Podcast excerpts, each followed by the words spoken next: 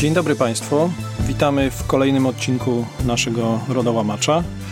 Z tej strony Tomasz Osiej i Michał Czarnecki.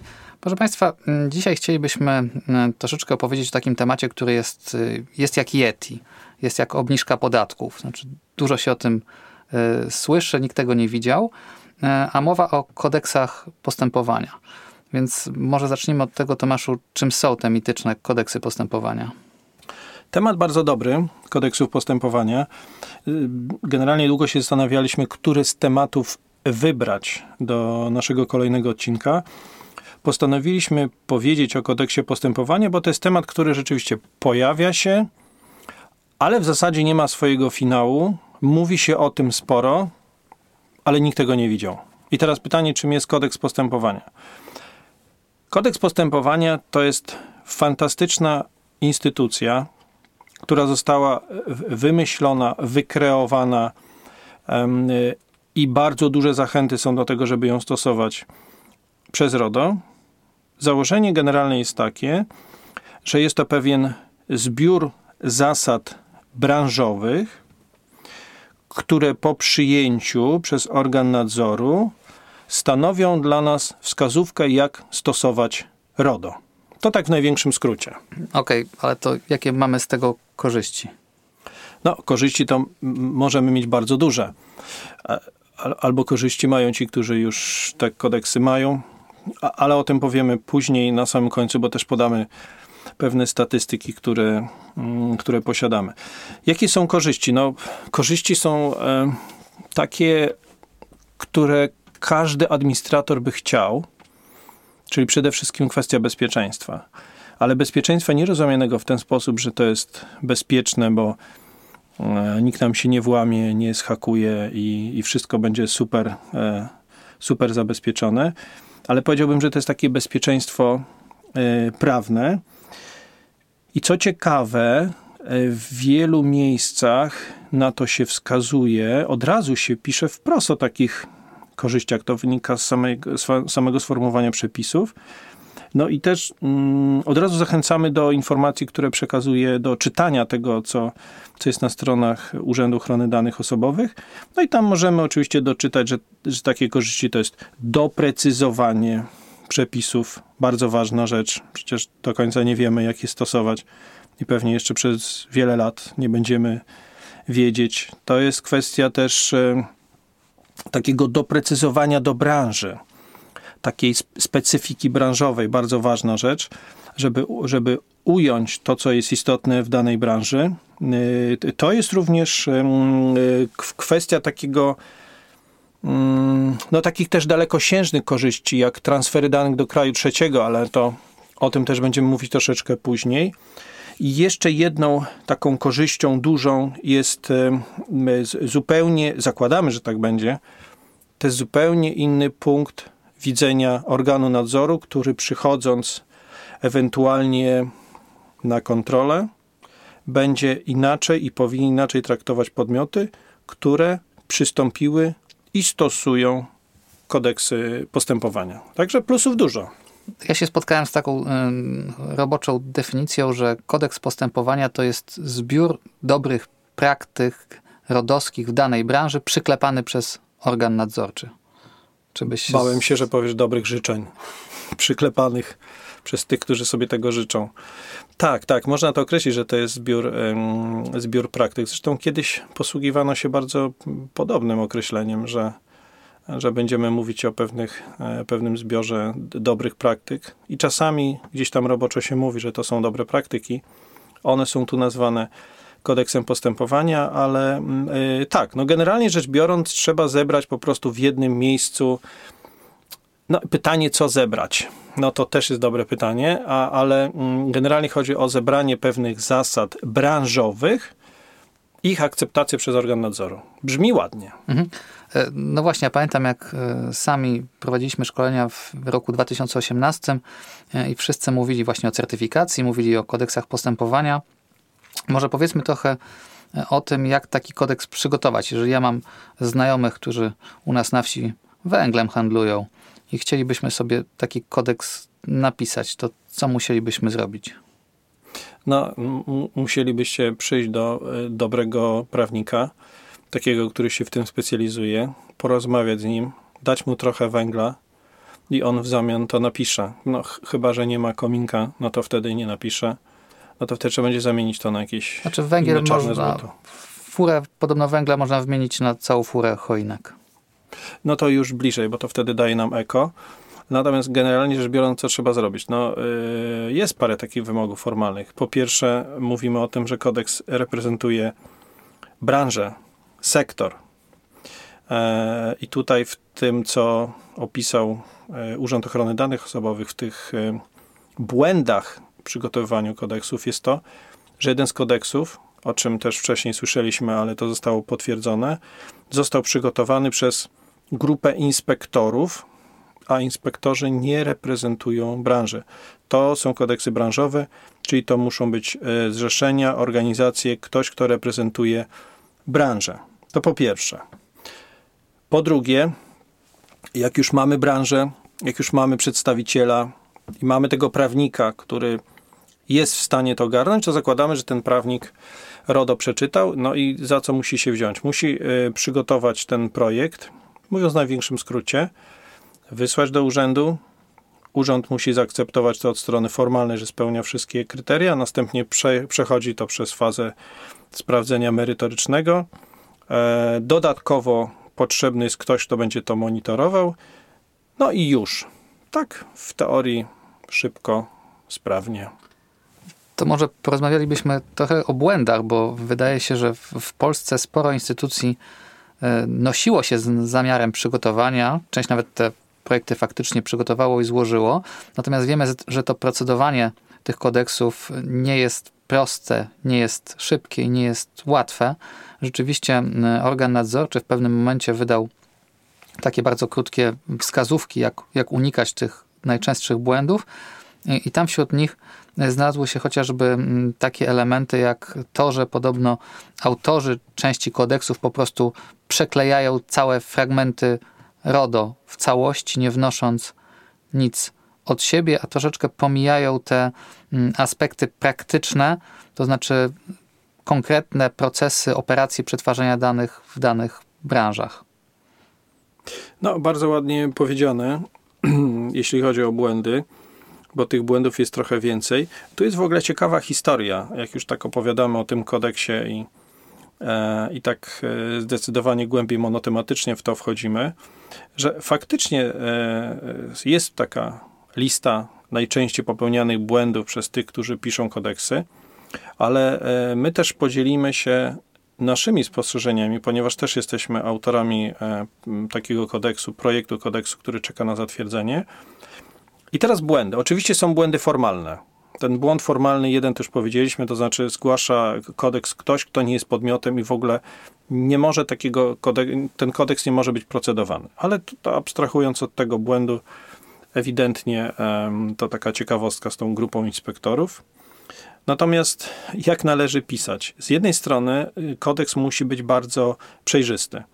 Tu co ciekawe, urząd się powołał po raz kolejny na artykuł 12, czyli taki, powiedziałbym, taki idea ochrony danych, czyli jak przekazać wszystko zwięźle, zrozumiale, ale jednak językiem prawniczym bardziej i trzymając się tego, co jest. I trudno jest to pogodzić z błędem, który tu się też pojawia, czyli takim błędem pod tytułem zbyt, y, zbyt mocno przepisaliśmy przepisy RODO, bo z drugiej strony jest też jako jeden z zarzutów to, że temat potraktowano zbyt wąsko albo nie jest jasno wyjaśniony. To jest bardzo trudne. Tutaj jakby czytając, czytając te uwagi i pamiętając to e, z naszych doświadczeń, to, to wypo, wypośrodkowanie jest bardzo trudne. No, nie może to być przepisane RODO w 100%, ale też nie można nie pisać o tym, co jest w przepisach, dlatego że pamiętajmy, że, że to trafia to trafia do branży, która niekoniecznie jest specjalistą od RODO, więc dobrze jest zamieścić parę przepisów i zamieścić kilka mm, definicji, które będą to przybliżały, no ale z drugiej strony oczywiście nie przepisać w 90% RODO i powiedzieć, to jest kodeks, bo to nie w tym rzecz. Mnie osobiście też tak zaskoczyło, może w, czytając te wytyczne, że organ wymaga od autorów e, pewnej dozy erudycji. To znaczy, zarzutem wobec niektórych kodeksów był fakt, że nie uwzględniono, nie powoływano się na wytyczne Europejskiej Rady Ochrony Danych. Ale innym takim elementem, o który chciałem Cię zapytać, może też opowiemy o naszej przygodzie w tym zakresie, to są konsultacje. Bo tak. często pojawia się zarzut, że albo kodeks nie był skonsultowany w ogóle, albo był skonsultowany w zbyt wąskim zakresie, mm, albo te konsultacje były zbyt krótkie, zbyt mało szczegółowe, etc. W ogóle konsultacje to jest bardzo ciekawa rzecz, dlatego że e, my zakładamy, że w tych konsultacjach, e, które służą wszystkim, powinny uczestniczyć jak najwięcej podmiotów. One powinny być taką wartością dodaną dla wszystkich, czyli czytamy to, co jest w założeniu, mm, nanosimy te uwagi, cała branża nanosi uwagi, wszystkie podmioty, włącza się w to organ nadzoru. Dobrze by było, gdyby to też było takie, mm, takie wsparcie, ale pamiętajmy jedną rzecz, bo wydaje mi się, że to jest bardzo istotne, żeby nam to nie umknęło, co stoi w samym centrum kodeksu, stoi podmiot danych. Znaczy, ten kodeks służy oczywiście temu, że stosujemy RODO, ale on ma być, on ma chronić podmioty danych. To jest jak, jak z analizą ryzyka. To jest trochę inny temat i nie będziemy tu zbytnio zbaczać, aczkolwiek troszkę odjedziemy, że e, spotykamy takie błędy, naprawdę nie, nie jakby nas, dla nas zaskakujące, że w analizie ryzyka w centrum stoi administrator, firma, podmiot, a nie podmiot danych. I tu jest bardzo podobnie. I w, ja czytając te uwagi i pamiętając to, co my robiliśmy, miałem takie wrażenie, że tym podstawowym błędem w konsultacjach jest nieskoncentrowanie się na tym, co jest w centrum. Centrum jest podmiot danych, jest osoba, której dane dotyczą. Konsultacje powinny być szerokie, powinny objąć jak największy e, katalog podmiotów, oczywiście, no i powinny być też zrozumiałe. Urząd bardzo na to zwraca uwagę, to potwierdzamy i to zresztą jest istotne, bo ten, ten kodeks musi być po prostu stosowany. Jeszcze chyba jest taki jeden aspekt, na który tutaj warto zwrócić uwagę, jeżeli chodzi o przygotowanie kodeksu. To znaczy, to jest ten etap, w którym administratorzy no, mogą też, oczywiście stawiając w centrum ten podmiot danych, ugrać coś dla siebie. To znaczy, kodeks postępowania jako pewne wzorce zaakceptowane przez urząd, to jest przynajmniej w mojej ocenie troszeczkę taki mechanizm, gdzie my możemy coś przemycić coś ugrać dla siebie pod tym kątem, że jeżeli mamy problem specyficzny dla danej, dla danej branży, albo specyficzny dla, dla sektora, albo specyficzny dla całego rynku, na przykład kto jest administratorem danych, e, na przykład e, jak wybrać podmiot przetwarzający, e, jaka jest podstawa transferu danych do państw trzecich, etc., to jest ten moment, żeby zaproponować rozwiązanie i wydaje mi się otrzymać jakieś wiążące wskazówki od organu nadzorczego. W ogóle same kodeksy, y, same w sobie one dają bardzo dużo korzyści. My jesteśmy y, fanami tych, prowadzenia tej instytucji. Może to nie wybrzmiało zbyt, powiedzieliśmy na samym początku, ale, ale bardzo byśmy sobie życzyli, żeby w Polsce były kodeksy, bo jedną z wartości, ale też trudności chyba z punktu widzenia urzędu jest to, że są to rozwiązania, które są bardzo konkretne.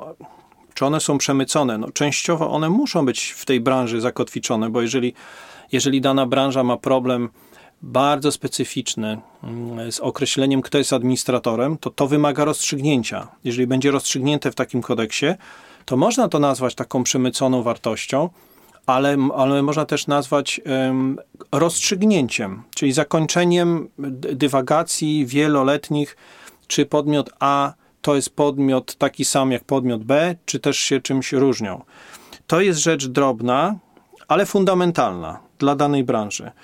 A dodatkowo też e, pamiętajmy o tym, że mm, sam kodeks, jakby z definicji, on służy temu, żeby z jednej strony przybliżyć pewne rozwiązania, dać rozwiązania specyficzne dla branży i dopasować je do danej branży i jest niesamowitą ściągawką, będzie ściągawką wiedzy dla wszystkich, bo to też nie jest tak, że jak zostanie wprowadzony kodeks, to z niego mogą korzystać oczywiście teoretycznie, mogą korzystać tylko podmioty, które przystąpią do tego kodeksu. Natomiast my już się spotkaliśmy z tym, że mm, projekty kodeksów są czytane przez podmioty, które jeszcze nie przystąpiły, a działają w danej branży i one już czytają to jako pewien wskazówkę, y, kierunek.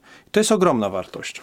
Mm, Tak, ale mechanizm ten polega też na tym, że mamy ten kodeks, on jest gdzieś tam akceptowany, pojawia się e, na stronie urzędu i teraz chcemy przystąpić do tego kodeksu, zgłaszamy swój akces, ale gdzieś w tle powinien się pojawić ten mityczny podmiot monitorujący, czyli ten podmiot, który kiedy my mówimy, będziemy grzecznym harcerzem, to on mówi dobrze, ale ja od czasu do czasu przypilnuję was na zbiórce. I tutaj też organ wskazuje, że jest pewien problem z opisaniem i, i wyborem takiego podmiotu.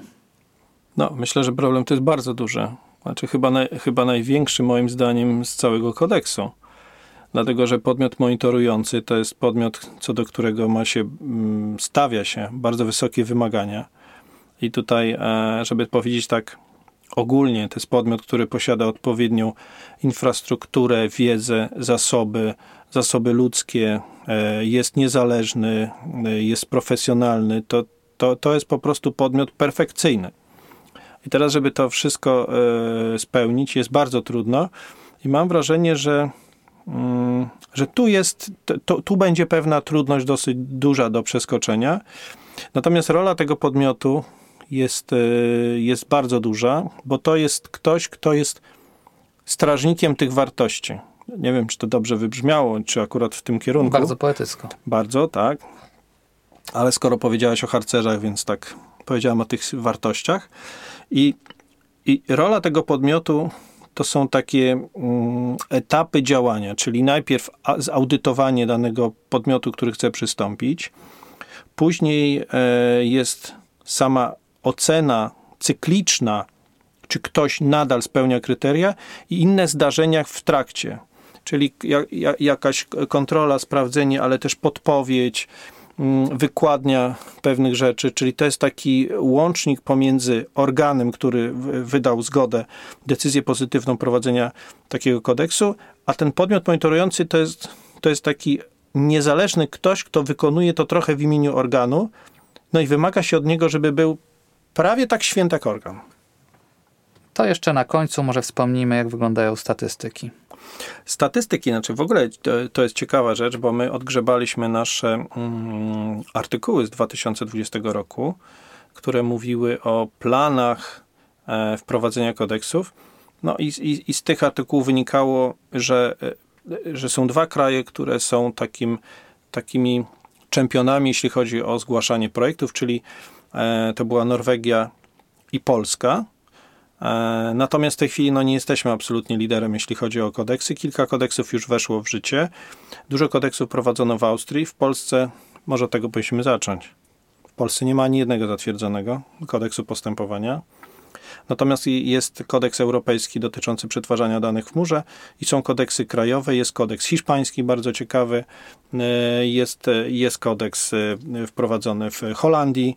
E, Także to już funkcjonuje. E, No, czekamy po prostu na, na polską praktykę, którą wszyscy na pewno ten kodeks bardzo dokładnie przeczytają. To nie ulega wątpliwości. No dobrze, w takim razie czekamy, obserwujemy, będziemy na pewno Państwa informować, a tymczasem na dzisiaj dziękujemy. Bardzo dziękujemy i zapraszamy do, na nasz kolejny odcinek, w którym przygotujemy równie ciekawy materiał. Jak zawsze życzymy spokojnego przetwarzania. Dziękujemy.